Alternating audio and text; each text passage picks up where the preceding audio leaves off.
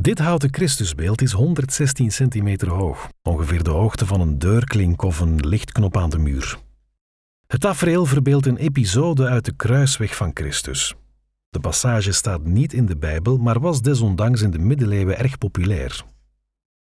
Dit beeld werd waarschijnlijk gemaakt in het Leuvense atelier van de zogenaamde meester van Christus op de Koude Steen. Christus heeft juist het kruis de berg opgedragen, is uitgekleed en wacht nu op zijn kruisiging terwijl hij op een rots zit. Hij zit onbewogen op de steen met zijn benen lichtjes gebogen. Zijn bovenlijf wendt hij een klein beetje naar rechts.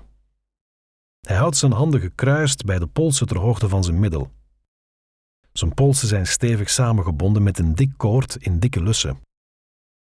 Hetzelfde koord bindt ook de enkels van zijn blote voeten samen. Links van zijn voeten aan de zijkant van het beeld ligt een spijkerblok. Het attribuut verwijst naar de geeseling die voorafging aan de kruisweg.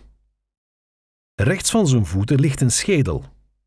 Christus draagt een lichtgrijze lendendoek die in plooien rond zijn heupen valt.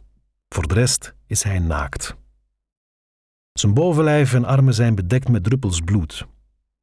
Die worden veroorzaakt door de doornenkroon die met dikke stekels in zijn hoofd prikt. Christus heeft een baard en kijkt neergeslagen schuin naar beneden. Hij lijkt zijn executie gelaten af te wachten.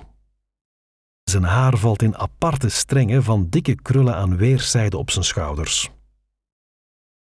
De titel van het werk is Christus op de koude steen, maar de steen zelf is haast niet te zien.